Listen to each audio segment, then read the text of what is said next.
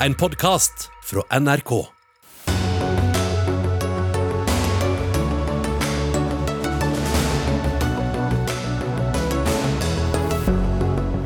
Noen kommer seg ikke på ferie, andre får ikke noe fly hjem.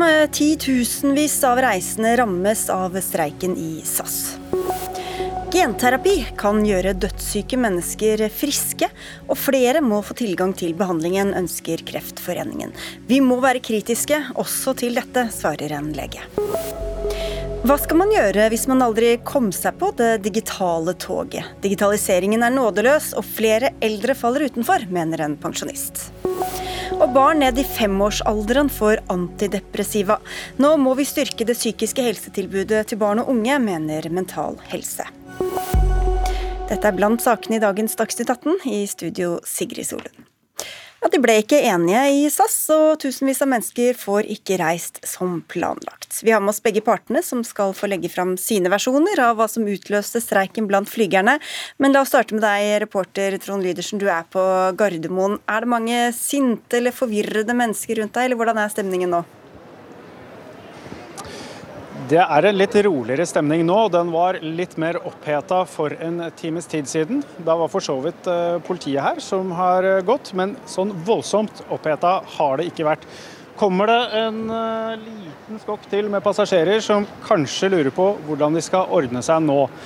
Så vet vi at det har vært sånne problemer som av de som har kanskje vært aller sintest. Det er de som er i hallen under meg her nå, som skulle vente på bagasjen. De fikk lasta bagasjen inn i flyet måtte stå og vente flere timer på å få den ut igjen fra flyet som ikke gikk. Sånt skaper ganske stor irritasjon. Og Så lurer man kanskje på nå om den største bølgen er over. Folk har skjønt at streiken er i gang. De møter ikke opp før de vet at flyet faktisk går. Men hvor mange er det som får merke denne streiken i dag og de nærmeste dagene? Altså De store tallene man snakker om, er at kanskje opptil 45 000 reisende om dagen vil, vil merke denne streiken. Og Hvor mange av de som skulle reist ut fra Gardermoen f.eks., det vet vi ikke, men dette er ganske store tall, og det er mange som særlig da får ferien sin ødelagt potensielt nå. Ved siden av deg tror jeg du skal ha Roger Klokseth, som er leder i Norske SAS-flygeres eh, forening, eh, og som kommer rett fra forhandlingsbordet i eh, Stockholm. Hører du oss? Ja, jeg hører det fint. Bra. Du, hva sier du? Du har akkurat kommet til Gardermoen. Hva sier du til alle som hadde gleda seg til å reise, men måtte bli hjemme, eller til dem som lurer på når de kan komme hjem? Nei, Vi kan bare sterkt beklage på vegne av SAS-ledelsen at uh, dere har blitt satt i denne fryktelige uh, situasjonen. Vi er meget klar over at dette skulle være den første ordentlige sommerferien uh, etter tre år. Og vi beklager virkelig at ledelsen har trykka oss opp i det hjørnet som de har gjort, og at vi ikke hadde noe annet valg enn å ta ut våre 900 medlemmer i streik. Men hvorfor hadde dere ikke noe annet valg? Mener Når det gjelder uh, utsiktene fremover, så er vi på akkurat samme sted som vi har vært siden vi starta denne prosessen i november i fjor. Vi ønsker en løsning, men vi er nødt til å ta vare på arbeidslivet vårt. Og vi kan ikke bli trykka urimelig på våre allerede hardt pressa vilkår. Men eh, invitasjonen til SAS-ledelsen eh, står der. Det er bare å ta kontakt. Eh, når dere ønsker en løsning, så er vi klare. Ja, Vi har jo en del av ledelsen her, i hvert fall. Kjetil Håbjørg, norgessjef i SAS. Flygerne føler seg pressa opp i et hjørne. De sier det er dere som er ansvarlig for denne situasjonen. Hva sier du? Jeg tror først og fremst det er viktig at vi nå beklager til alle de som har hatt innestengte feriedrømmer i flere år gjennom en veldig tøff pandemi som eh, har eh, planer om å reise, og som nå får ødelagt sine ferieplaner fordi at pilotforeningene har valgt å gå til streik i, i et eh, tidsrom hvor, hvor, alle skal ut og reise. Det er sterkt, sterkt beklagelig. Dere skylder på hverandre, altså, men Klokseth, hva var det som gjorde at dere mener at dere måtte gå til streik og ikke hadde noe annet valg? I at SAS-ledelsen har trua våre medlemmers eksistens. De har utnytta en pandemi til å kvitte seg med 560 piloter, hvor 450 av de fortsatt eh, står uten jobb. Og I ly av pandemien så har de oppretta bemanningsselskaper. Eh, de har ordna en ny tariffavtale med nye vilkår og hentet inn nyansatte på jobber som er dekka av våre tariffavtaler. Det er ikke bare ulovlig, det er også sterkt umoralsk, og det har vi reagert veldig sterkt på. Vi har vært, prøvd dialogsporet siden november i fjor og prøvd å løse det her. Og vi har prøvd Eh, å komme i mål med besparelser eh, for å hjelpe SAS gjennom den krisen som eh, de har satt seg selv i. Den enorme gjeldsbyrden som man nå prøver å få løst. Men det går et svertepunkt, og der har vi kommet. Vi kan rett og slett ikke strekke oss lenger for å komme SAS-ledelsen i møte. Ehm, så ansvaret hviler 100% på SAS-ledelsen. Men hvorfor er det så viktig å være ansatt i moderselskapet i stedet for et av disse to datterselskapene? Vi har sagt til SAS-ledelsen at vi legger oss ikke borti hvordan de organiserer selskapet, om de ønsker å organisere det i datterselskapet. Så det er helt greit. Men de kan ikke bruke en omorganisering for å omgå våre tariffavtaler.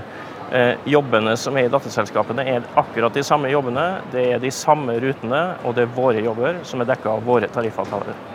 Håbjørg. Ja, Det er vi uenig i. Vi registrerer at uh, pilotforeningene har en annen, uh, en annen, oppfatning av det, og at de har gått til søksmål mot arbeidsgiver for å Hva er deres oppfatning, da? Nei, i SAS nå, jeg tror at For de som sitter og hører på dette, så tror jeg det er viktig å vite at i SAS nå så finnes det tre eh, flyselskap.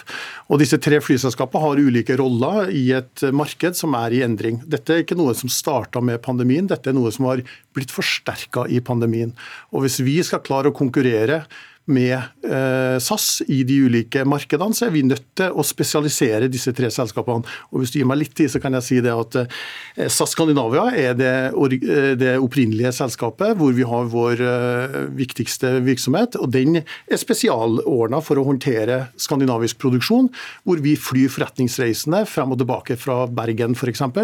SAS Connect, som er et selskap vi har for å konkurrere på europarutene, hvor vi flyr en annen type struktur. Og Dette er viktig å få fram, fordi det er med fritidsreisende. De reiser i helgen, de reiser på sommeren og ikke på vinteren. og Det krever et annet oppsett. og derfor har vi altså, Når du sier annet oppsett, så betyr det andre arbeidsvilkår da, enn Riktig. det de så, Men er det da sånn at dere har kvittet dere med flygere, og så ansatt andre i de posisjonene hvor dere kunne ansatt disse flygerne, og til lavere eller dårligere vilkår enn det de hadde fra før av? Vi, vi, må bare huske at alle disse er satt opp på skandinaviske vilkår med skandinaviske fagforeninger. og Det som er viktig for oss å få Men Dårligere enn de hadde tidligere? Nei, ikke dårligere. Andre. Og det er viktig å få frem fordi den produksjonen vi har i Skandinavia, som er veldig retta mot forretningsreisende, det er mandag til fredag-produksjon i, i, større grad. da. Her har vi et annet marked hvor man reiser i helgen, man reiser i høytida og man reiser på sommeren.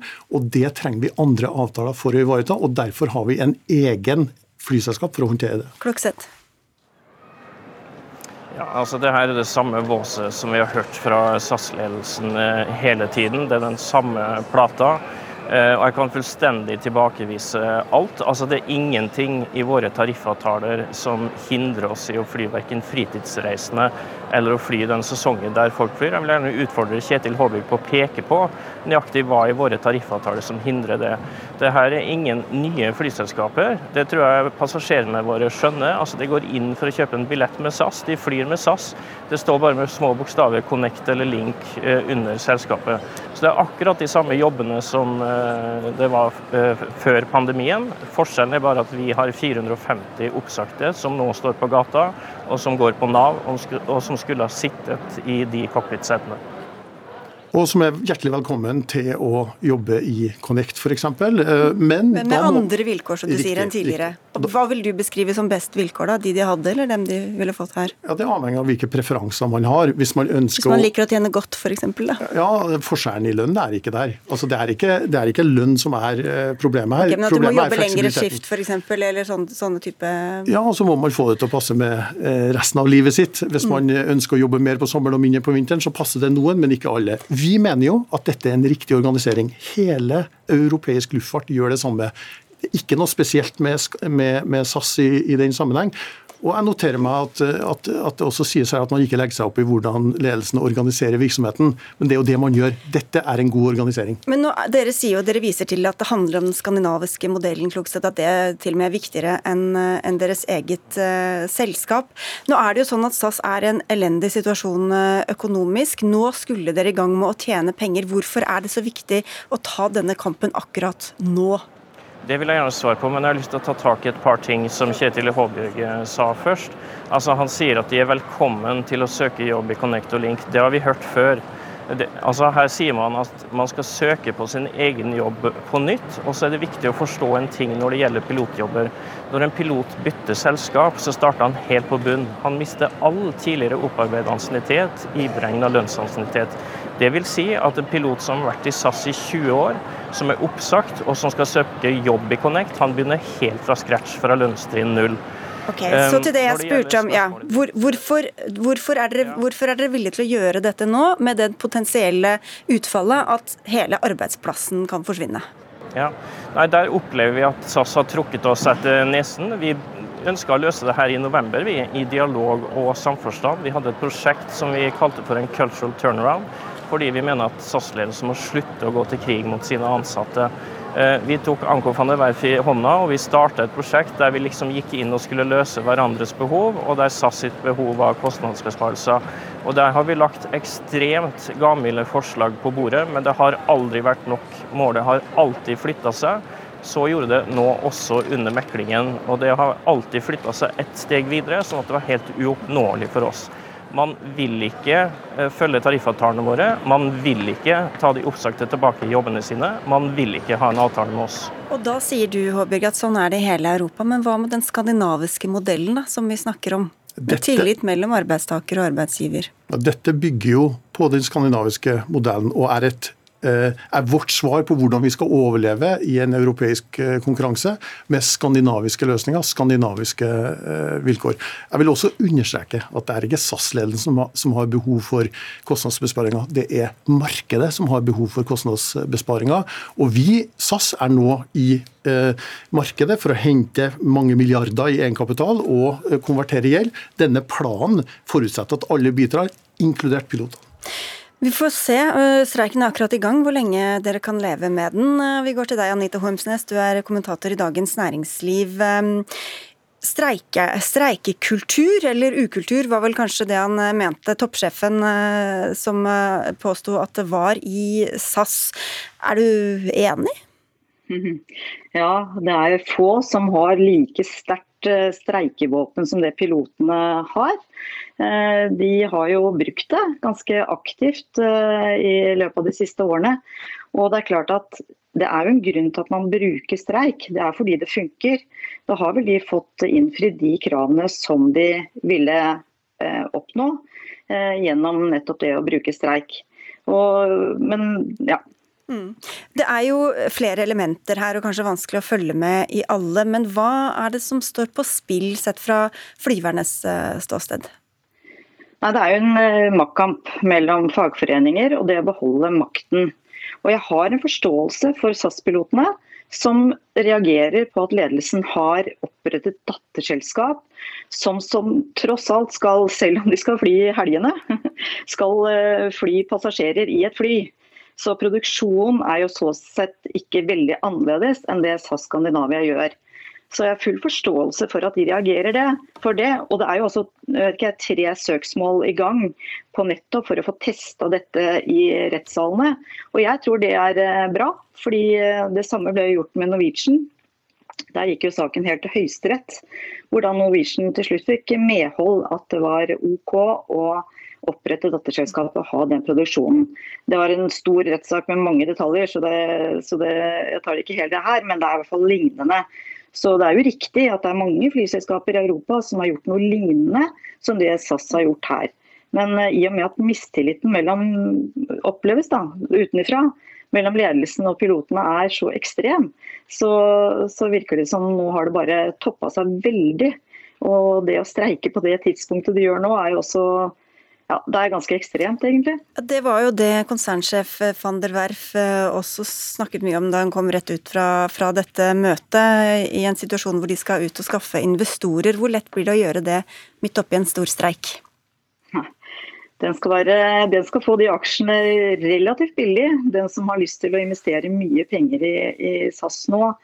Fordi det er klart at den risikoen som eh, henger ved at eh, ja, ved hvert lønnsoppgjør egentlig kan eh, oppstå en streik hvor Og som vi vet, altså når SAS streiker, som har så stor, mange ruter og så stor produksjon, så er det kjempedyrt. Altså Ved forrige streiken i 2019 så kosta det vel 650 millioner kroner til eh, slutt. Så det er klart at hvis en investor skal liksom komme inn i dette selskapet, så bør det være noen ordentlige gulroter i sikte. Her er det stort press på begge parter. Takk skal dere ha alle tre for at eh, dere var med. Roger Klokseth, leder av Norske SAS Flygeres Forening. Til deg, Kjetil Håbjørg, norgessjef i SAS, og Anita Holmsnes, kommentator i Dagens Næringsliv.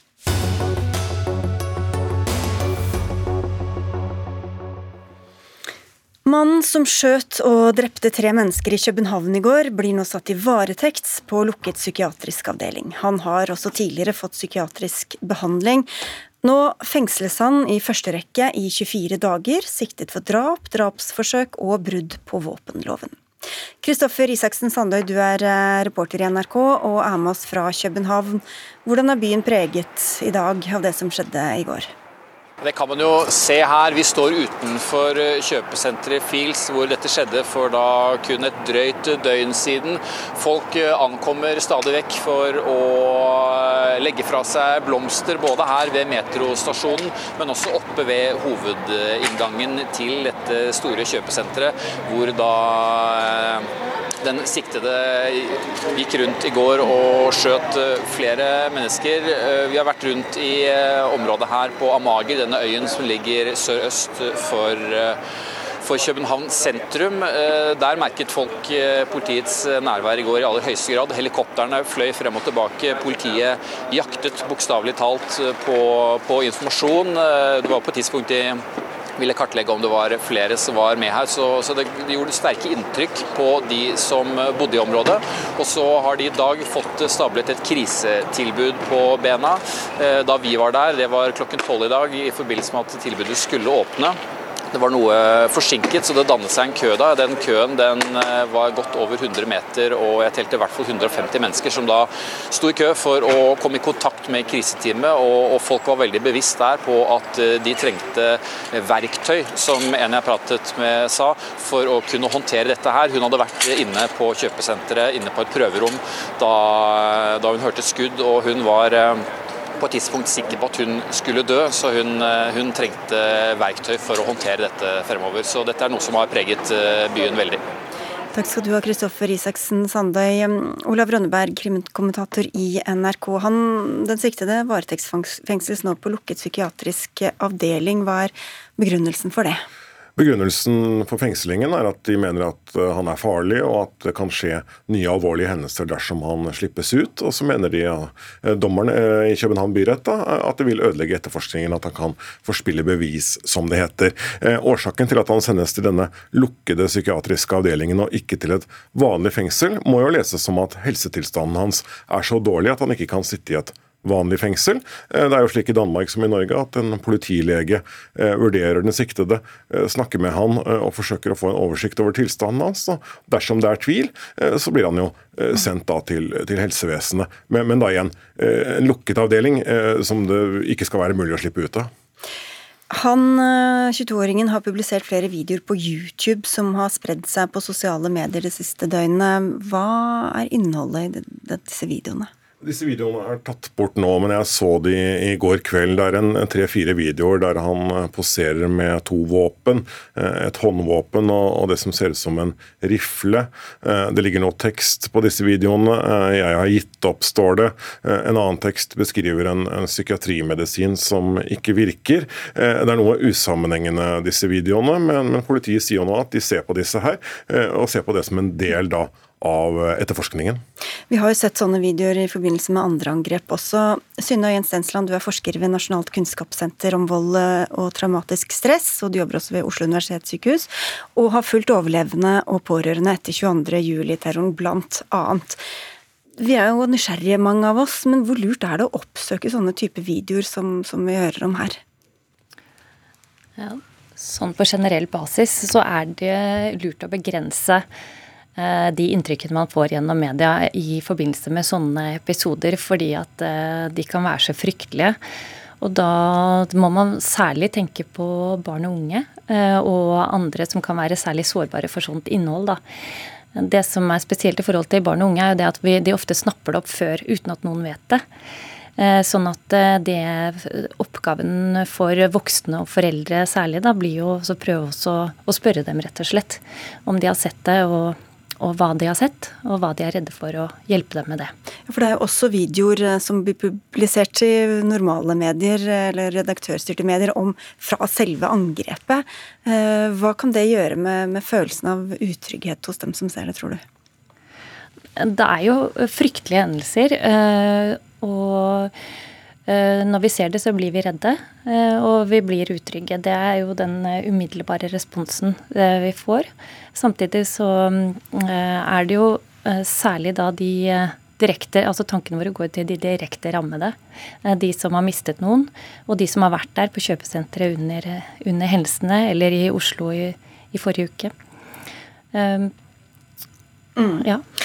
Eh, Rønneberg, det var jo sikkert mange som tenkte at det kanskje kunne være noen sammenheng mellom Oslo og København, men det er det jo ingenting som tyder på. Og, og Politiet i Danmark sier at de ikke etterforsker det egentlig som et terrorangrep. Men hva, hva sier de om noe om motivene hans? De har moderert seg litt utover dagen. Nå sier de at de har flere hypoteser som de jobber med å bekrefte eller avkrefte. Eh, men i morges sa de at de ikke tror det var terror. Eh, og de gikk også langt i å si at de ikke mener det var rasistisk motivert. Eh, mye tyder jo på at dette bunner eh, i psykiatri i en eller annen form. Nå skal jo denne gjerningsmannen, den siktede, underlegges en full mentalundersøkelse.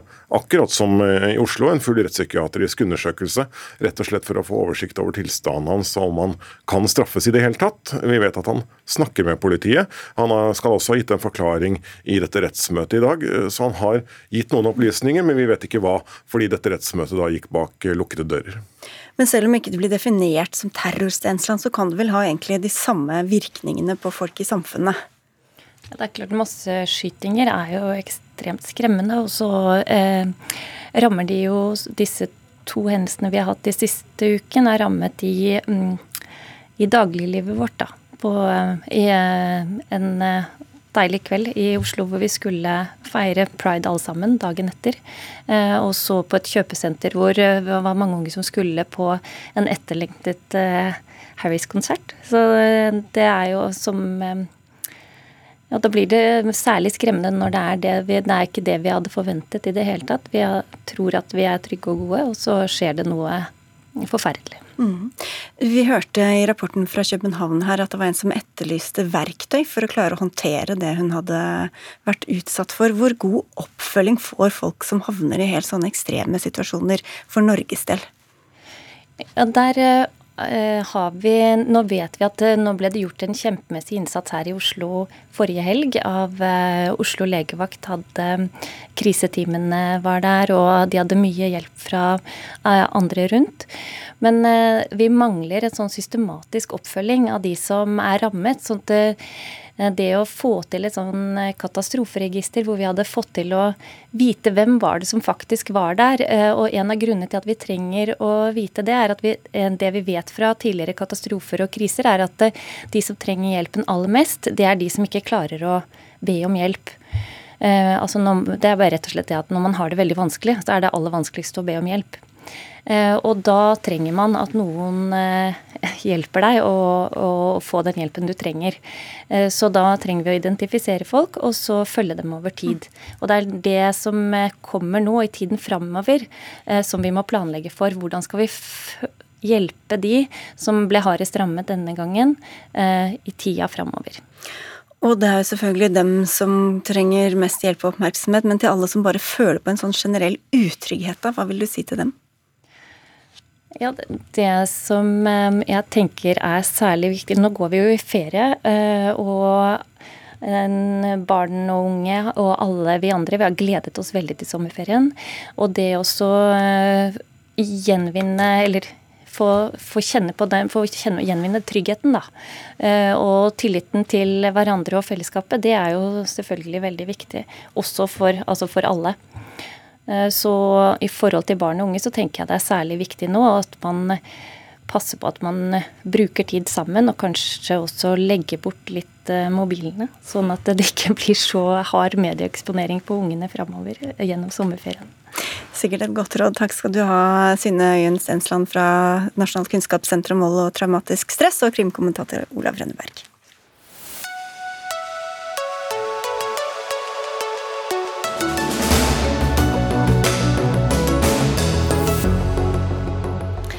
Vi må endre helsesystemet for å gi flere pasienter eh, genterapi. Det skriver Kreftforeningen i en ytring på NRK. Genterapi kan gi nytt håp til enkelte pasientgrupper, gjøre dem helt friske eller gi et lengre liv med bedre livskvalitet. Ingrid Stensavold Ross, du er generalsekretær i Kreftforeningen. Vi kan jo komme til systemet snart, men bare forklar først hvordan er det genterapi virker? Ja, Genterapi det handler rett og slett, hvis jeg skal forklare det litt sånn kort, da, så handler det om at vi kan gå inn og skrive eller redigere i DNA. Det høres jo veldig eh, spesielt ut, og det er det. fordi at for sjeldne genetiske sykdommer så handler det om å rett og slett redigere bort sykdommen. Og når det gjelder kreft, så handler det om å lære immunforsvaret rett og slett å bli supertreffsikre mm. på å identifisere kreften og, og, slå den ned. Sånn at man går inn og redigerer og skriver om DNA-et vårt. Og Hvem er det som kan særlig ha nytte av sånne typer medisiner? Ja, det er jo små pasientgrupper. Det er uh, pasienter med sjeldne genetiske sykdommer det finnes mange av de, og det er noen kreftpasienter. Eh, foreløpig ganske få, særlig på blod- og lymfekreft.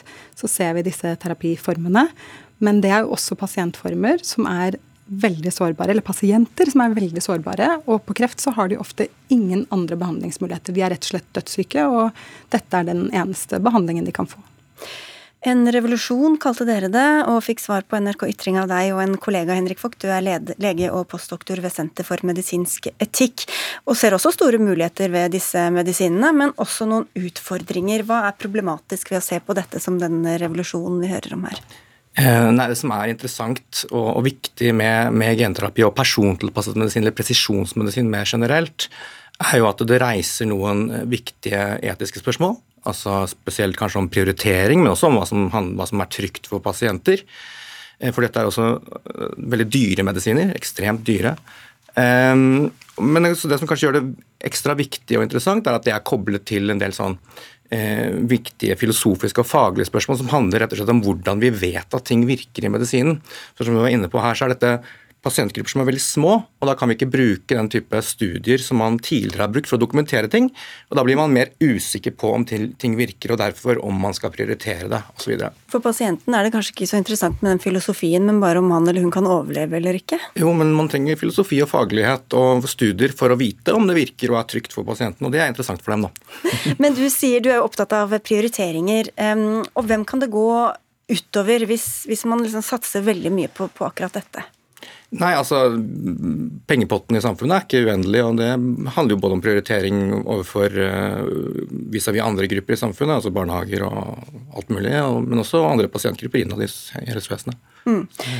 Så uh, Ross, eh, hvis mer penger og midler, forskning kanaliseres inn i dette, som, skal, som er forbeholdt noen ganske få, hvor god, god prioritering er det da?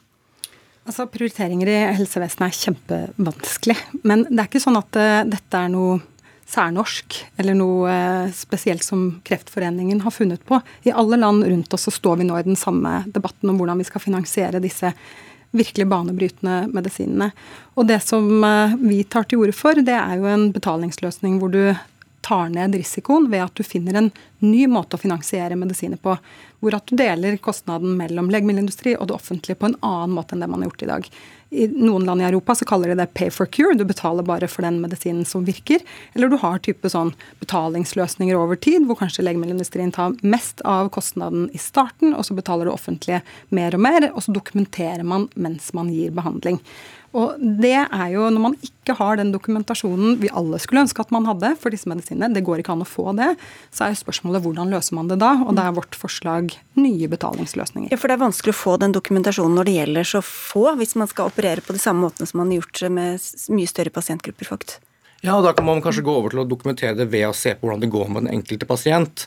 Så Jeg syns det er en interessant måte å tenke på, at man kan forsøke å dokumentere det på denne måten. Men, men det er interessant å observere at det er en helt ny måte, eller en, et stort skifte i medisinen, å gjøre det på den måten. Eh, og Det fjerner ikke det store spørsmålet om hvordan man egentlig vet hva som virker og hva som er trygt for den enkelte. Eh, i medisinen. Og når man begynner å gjøre det med kreftpasienter, så må man kanskje gjøre det for andre pasienter også. Da, som Det kan jo tenkes andre pasientgrupper som også kan ha utbytte av noen dyre eller behandlinger som ikke er så lette å dokumentere, og som man kunne prøve ut og så se om det virker. I psykiatrien eller rusbehandling f.eks. Eh, så kan man jo spørre seg hvorfor er det sånn at det nettopp er med kreftpasientene at man plutselig begynner å gjøre sånne store omveltninger i hvordan man dokumenterer ting og anser ting for, for liksom, eh, bevist i medisin, rett og slett. Og det kan man spørre om det er fordi kreft er et høyprestisje biomedisinsk prosjekt som, som, har sterk industri og ressurssterke pasientforeninger og sånt. Eh, men Det betyr ikke at det er galt at vi ikke skal gjøre det, men det reiser noen viktige spørsmål om hvordan, hvem som skal få i, i medisin. da. Ja, eh, For det første så er det jo veldig mange på sjeldenfeltet som ikke kjenner seg igjen i ressurssterke, svære pasientorganisasjoner, eller at man har vært prioritet, eller hatt prioritet. For det sjeldenfeltet de har jo ikke hatt mye forskning over tid, og har egentlig en veldig liten verktøykasse. Eh, og når vi slåss for genterapi og selvterapi, så gjør vi det ikke bare for kreftpasientene, men for alle med en sjelden diagnose. Det er kjempeviktig for meg å få sagt. Og så er det jo også sånn at eh, heldigvis da, så er jo resultatet av disse genterapiene at blinde kan få synet tilbake, at folk med muskelsykdommer kan reise seg fra rullestolen, og at kreftsyke mennesker som har en dødsdom, de blir kreftfrie. Så det er på en måte ikke helt sammenlignbart med så mye annet heller. Og eh, i hvert fall for kreftpasientene, da, eh, så er det jo sånn at lymfekreftpasienter for eksempel, som i Norge ikke får tilgang til disse medisinene, kan reise til Sverige og betale seg til disse medisinene det er ca. 50% effekt i de studiene vi har. Halvparten overlever altså. Og det hadde vel du også gjort, tror jeg, hvis du hadde hatt denne diagnosen. Visst at det var en god sjanse for at du kunne vinne livet ved å, få deg denne behandlingen. Så dette er dødssyke pasienter da, uten noen andre muligheter, som må få tilgang til banebrytende behandling.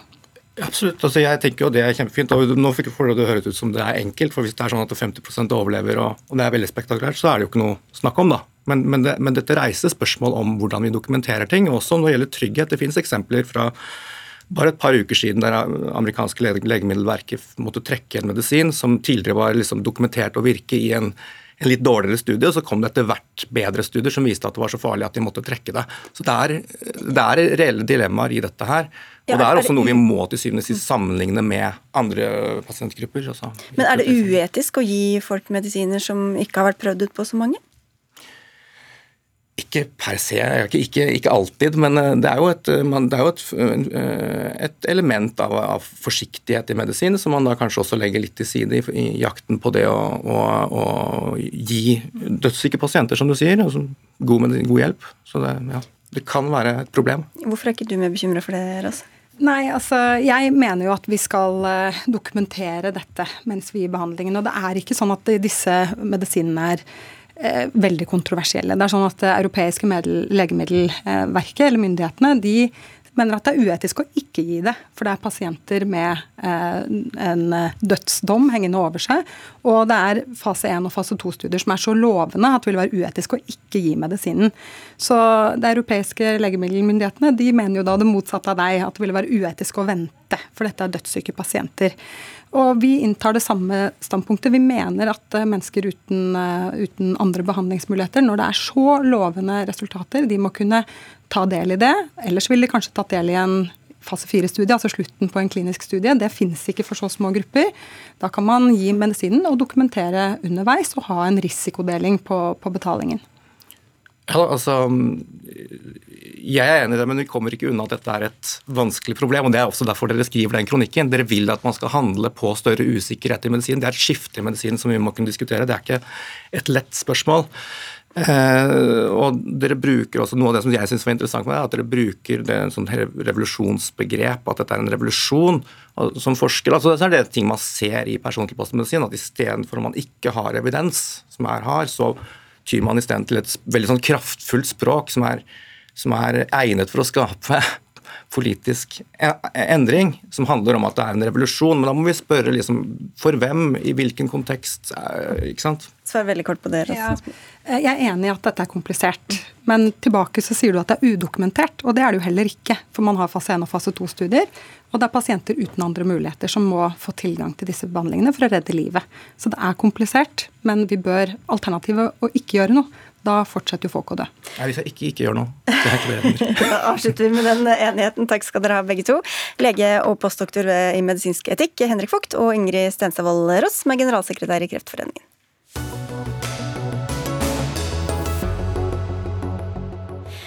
Skal du sjekke dine egne helseopplysninger, fylle ut skattemeldingen eller lese et eh, brev fra det offentlige, ja da må du sette deg ned foran skjermen og forsøke å huske passord og innlogging. Men er samfunnet blitt for digitalisert? Vi får håpe at vi ikke trenger bank-ID og passord for å dø, skriver du i Aftenposten Tormod Bjørnstad, du er pensjonist. Hva fikk deg til å skrive om dette? Eh, direkte akkurat denne artikkelen ble trigget av min venn Ragnhild som altså fortalte om en uh, drøm, dvs. Si et mareritt som ga meg uh, helt bakoversveis. Uh, på nettopp dette poenget at hun drømte hun skulle dø. Og så kommer det de stygge lydene og en stemme som skriker. Det gjør det jo vanligvis ikke på data, da, men det virker som et skrik når det plutselig er 'passord'. Og så har du glemt det. Eller ikke har det.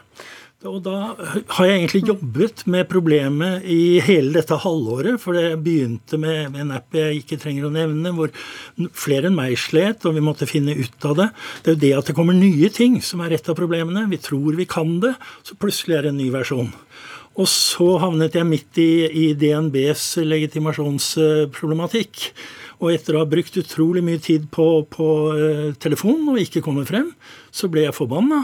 Og etter hvert så løste det seg da på en analog måte, som jeg skriver i artikkelen. Og så jobber jeg litt med en slektning som har uh, opplevd en ny merverdiavgiftsapp. Og så kom det en ny skatteapp. Skatte så jammen vært nok. Vi kan ta det generelle litt uh, etter hvert, men for å ta dette med, med kritikken mot dere, Ingjerd Blekeli-Spiten, du er konserndirektør for personmarked i, i DNB. Hva sier du til disse erfaringene som beskrives her?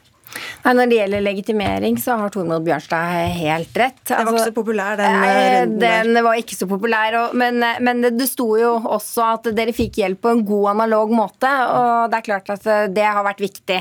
Det er 50 omtrent i dag av Vi har snart legitimert en million nordmenn. Så det er 50% som har brukt bank-ID-appen, og så er det 30% som har gjort det eh, analogt i kontorene våre. Så, men vi var, vi var, det var for stor pågang for plutselig til at vi klarte å ta imot alle. Men litt mer overordna, hvor lett er det å være kunde hos dere hvis man syns at det er litt vrient med det digitale sporet? Ja, da er jeg egentlig veldig glad for å si at det er faktisk lett. For vi har en tjeneste som heter Bank uten internett. Eh, som vi lanserte i 2018 og da fredet vi brevgiroen, kontofon, SMS-tjenester og et eget telefonnummer hvor du da eh, får hjelp. Så vi har eh, sett det økte digitale klasseskillet som, som, Bjørnstad beskriver. Og det er klart at da er vi nødt til å ha tjenester som møter den, del, den ikke-digitale delingen av befolkningen, og de er, de er mange. Ja, er det mange du møter, Bjørnstad, som syns at det her er vrient? Ja, det vil jeg våge å påstå. At det er mange. og Reaksjonene i dag har vært voldsomme, både unge og gamle. Men, men eh, altså, jeg har stor respekt for det som, som eh, Spiten eh, beskriver her. Fordi det er nettopp dette med alternativet som er det viktige. Altså Der vi blir virkelig vettskremt, og det gjelder særlig oss som ikke er vokst opp med skjerm hele tiden, det er gjør jeg noe galt nå? Mister jeg noe? Blir opplysninger borte? Hva skjer hvis jeg trykker her? Kan jeg rette det igjen senere? Alt det der. Eh, og det er ekstra tungt når vi har lært en app, tror vi kan det, og så plutselig kommer det en ny en. Og det er klart at min, min svigermor nå har kommet på sykehjem, men, men altså, hun ville jeg aldri for ti år siden kunne klare å lære verken smarttelefon eller data. Det er ikke mulig. Og da må man ha alternativet. Mm. Hvor lett, hvor lett syns du det er å manøvrere det offentlige Norge digitalt, da? Det er delvis ganske vanskelig. Eh, fordi det er så mye informasjon. Jeg tror det er hovedproblemet. Det er mye informasjon, og det offentlige Norge prøver jo å legge ut mest mulig. Sånn at jeg hadde et, et problem da jeg gikk inn nå i research til denne artikkelen på Digitaliseringsdirektoratet. For de har gjort noe som på en måte kan synes smart. og Det er at de splitter opp sidene og informasjonen sin. Og så kan du gå nedover. Men så fant jeg ikke den informasjonen jeg søkte. Og plutselig husket jeg ikke hvor jeg var og hvordan jeg skulle komme, så jeg måtte opp igjen og begynne å klikke nedover for å finne det. Og da har du ikke engang begynt å snakke om Digipost. Kjersti Bjørnstad, du er statssekretær i Kommunal- og distriktsdepartementet. Hva slags tilbud har det offentlige til alle som syns det er vanskelig å finne fram på nettet, og lurer på om de gjør det riktig?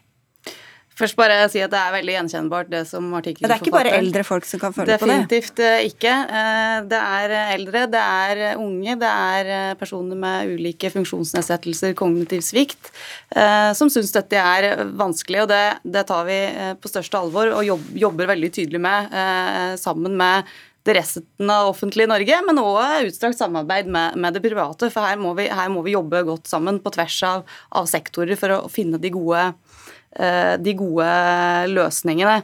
Eh, og det handler egentlig om mye, mange ting. Eh, det handler om hvordan digitale tjenester er utforma. Universell utforming, regelverk rundt det. Der er det jo stramma til de, de siste åra, men det handler òg om klart uh, språk, om det er mulig å forstå hvordan uh, det som står der. Og det er som du sier, det er, litt, det er jo litt vanskelig, ikke sant. At du, du skal ha uh, Vi er informasjonshungrige alle sammen. Vi vil gjerne finne ut. Så det, så det er en balanse med å greie å få inn så mye informasjon som, som, den enkelte har behov for, samtidig sånn at det ikke blir, blir overveldende. Og så er det et hav av ulike innloggingsplasser, så det er òg betydelig å gå på på å se om man kan Eh, greie å samordne dette bedre, sånn at man har logga inn én plass, så kan man liksom benytte flere tjenester enn å måtte ut og inn. Men det er jo mange som rett og slett ikke er på det sporet i det hele tatt også, som trenger noen å snakke med. Hvis du skal henvende deg til Nav f.eks., hva er alternativene? Nei, og, og, det er helt, eh, helt, riktig. Det er vel eh, anslått at ca. 600 000 enten sliter med digitale ferdigheter, eller noen vil rett og slett ikke ta i bruk digitale muligheter. Og digitalisere noe skal jo gjøre at ting skal bli enklere og mer tilgjengelig.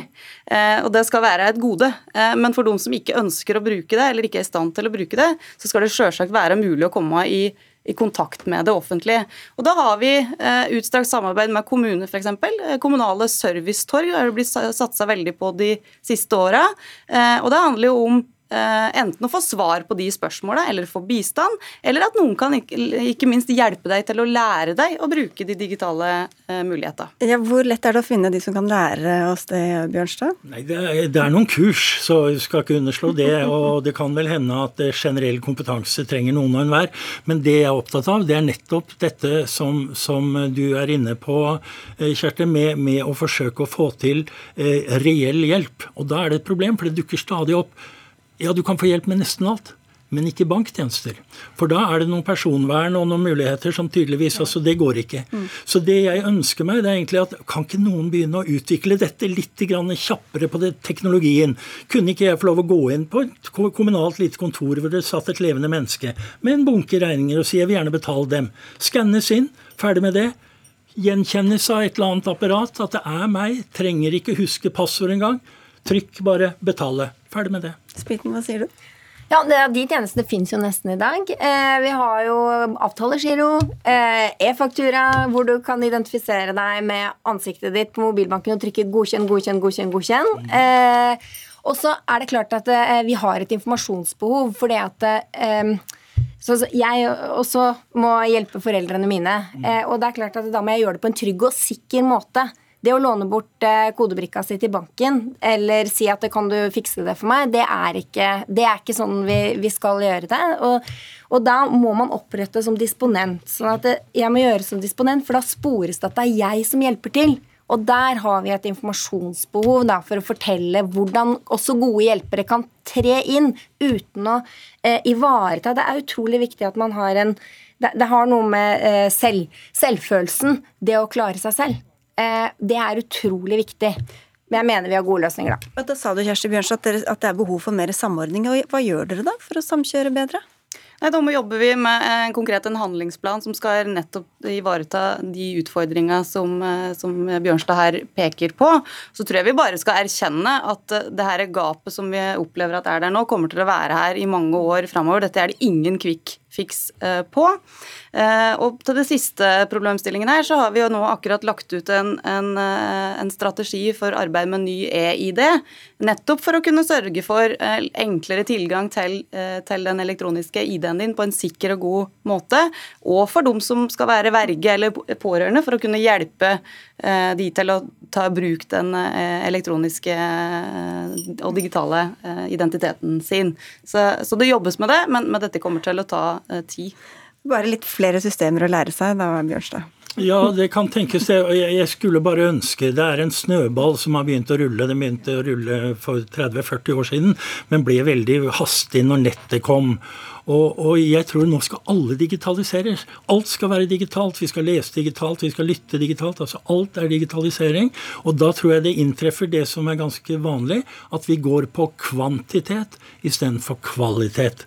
Og universell utforming er i seg selv et vanskelig begrep. Altså brukervennlighet. At det er så enkelt som mulig. Det skulle jeg ønske at alle som leverer digitale løsninger, kunne ta mye mer på alvor. Og prøve det ut før de lanserer den nye appen. Takk skal dere ha, alle tre. Tormod Bjørnstad og Inge Blekeli Spiten fra DNB, og statssekretær Kjersti Bjørnstad for at dere kom til Dagsnytt 18.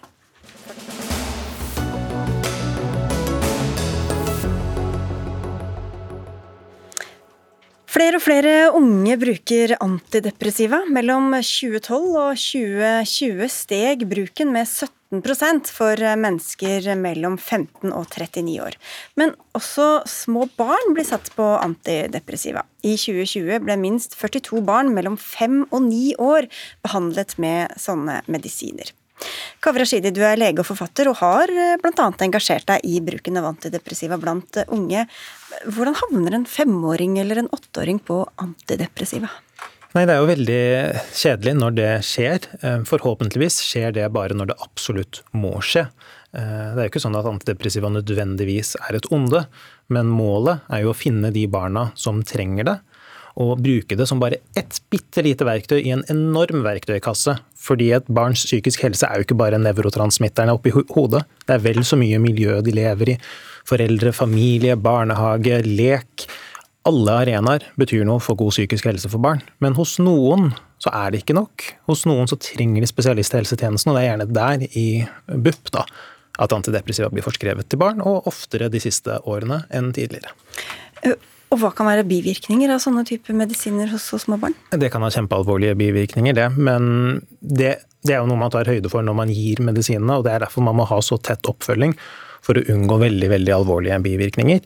I krisetilfeller og ting foreldre ofte er bekymret for, er jo ting som at barn kan ta sitt eget liv etter å ha tatt eh, og begynt med antidepressiva. Og slike ting skjer heldigvis uhyre sjeldent i Norge, fordi vi begynner ikke barn på antidepressiva uten å ha god tverrfaglig hjelp til de barna på tvers av arenaer. Og så skulle jeg jo ønske at man hadde en så god forebygging i Norge at ikke barn ble så syke.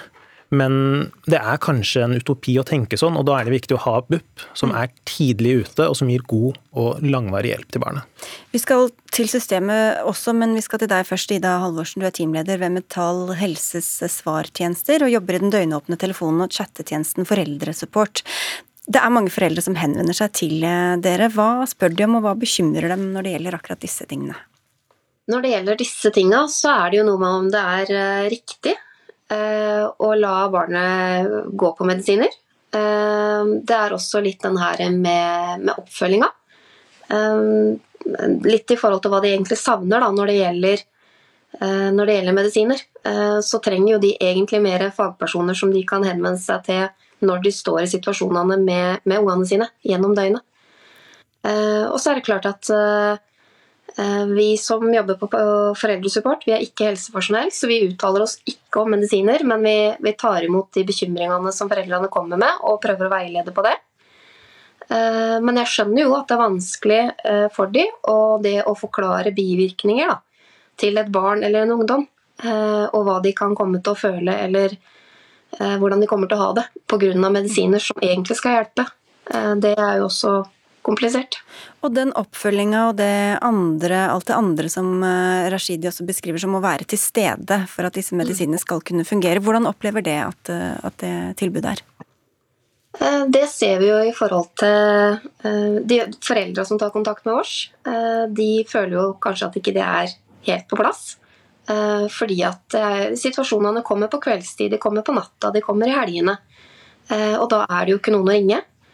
Eh, og så har vi også, eh, Hos oss har vi jo Norges største chattetjeneste. Eh, og der har vi jo barn og ungdom som sjøl tar kontakt. Og de beskriver jo noe av det samme. At de får ikke kontakten med de behandlerne sine, da. Rashidi, hvor eh, er det skoen trykker etter din eh, mening? Det er mange steder på én gang. Det er jo ofte det når man har komplekse problemer at løsningene også må settes inn mange steder. Så jeg tror det er viktig at vi ikke prøver å finne en slags billig løsning her av typen bare ansett flere psykiatere eller bare få flere fastleger.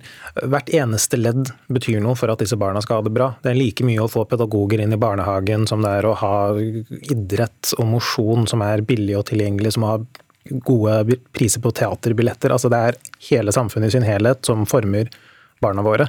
Men selvfølgelig så skulle vi fastleger ha ønsket at vi kunne hatt mer tid og ressurser til å ta vare på disse veldig, veldig viktige og sårbare pasientene.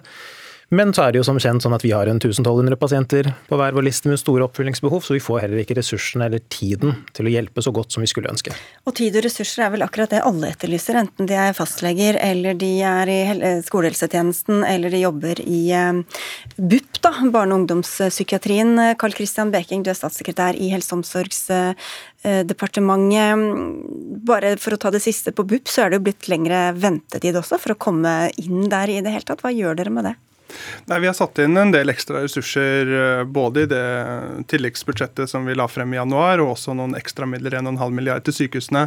Nettopp fordi vi ser at her er det eh, enorme behov. Og det er klart det har også vært en stor økning i antall henvisninger. Nesten 20-25% økning i antall som henvises inn i BUP-systemet. og Man ser jo det som et resultat av det Rashidi beskriver godt. altså Under pandemien med nedstenging så forsvinner en del av de arenaene som gir utrolig god beskyttelse for psykisk helse. Det er skolen, det er er eh, fritidsklubber, det er eh, idrett. Det er de eh, arenaene og fellesskapene som gjør at barn og unge passer på hverandre og gir hverandre styrke og støtte.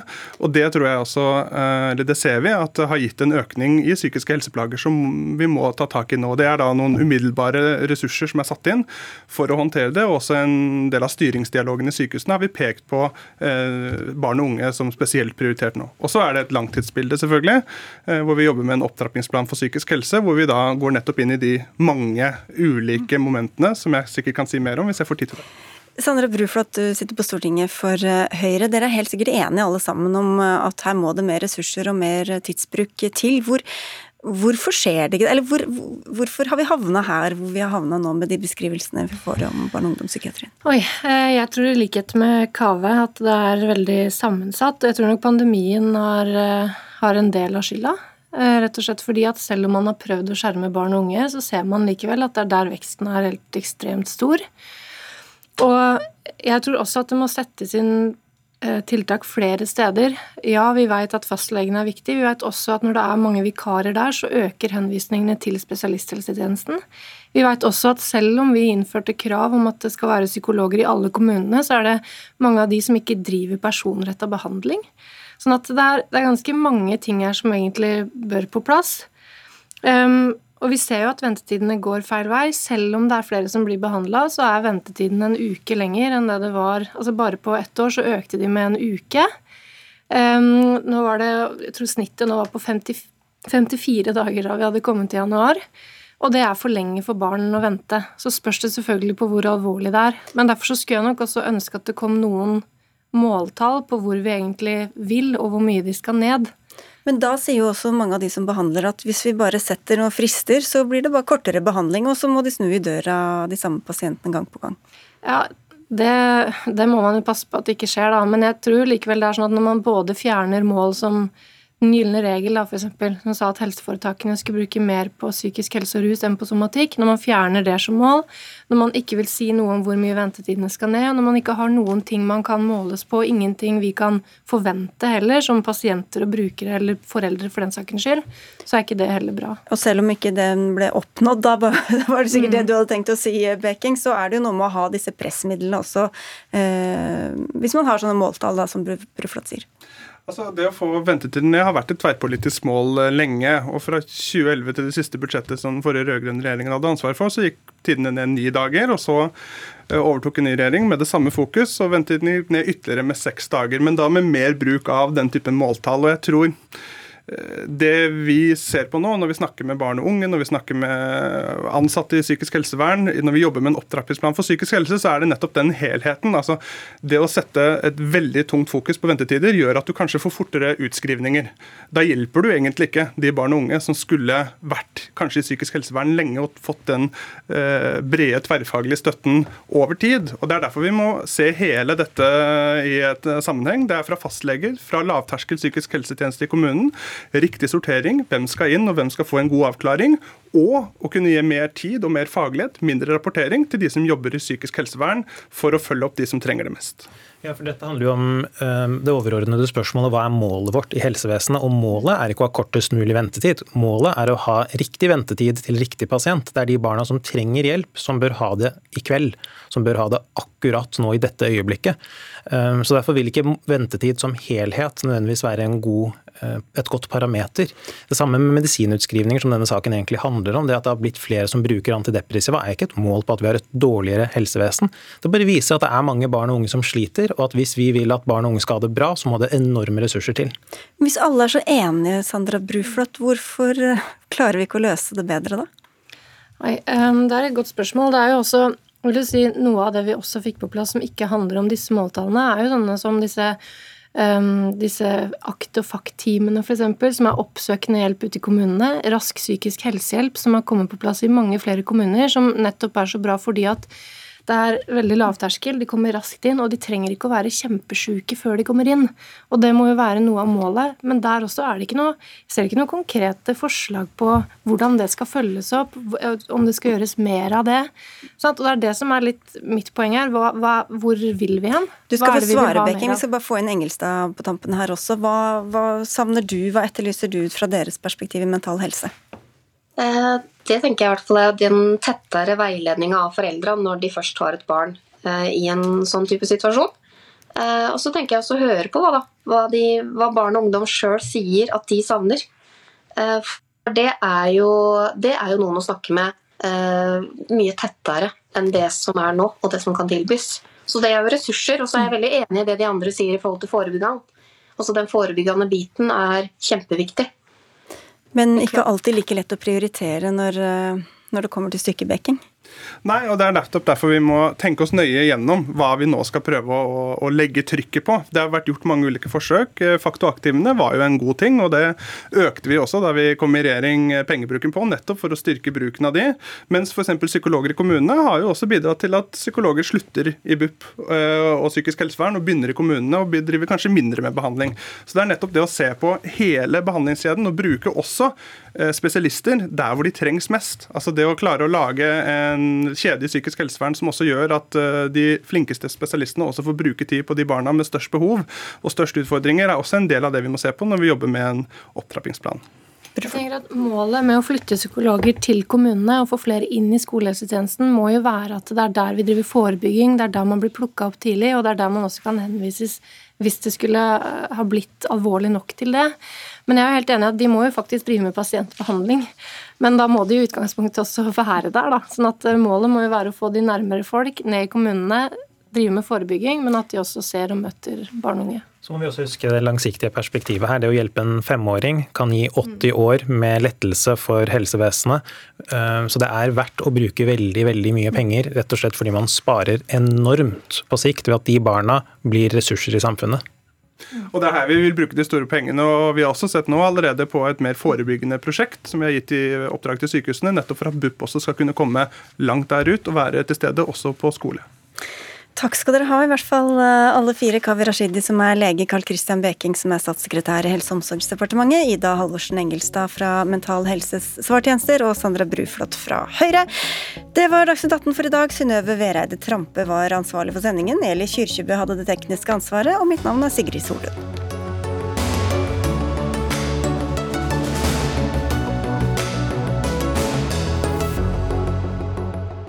Du har hørt en podkast fra NRK. Hør flere podkaster og din favorittkanal i appen NRK Radio.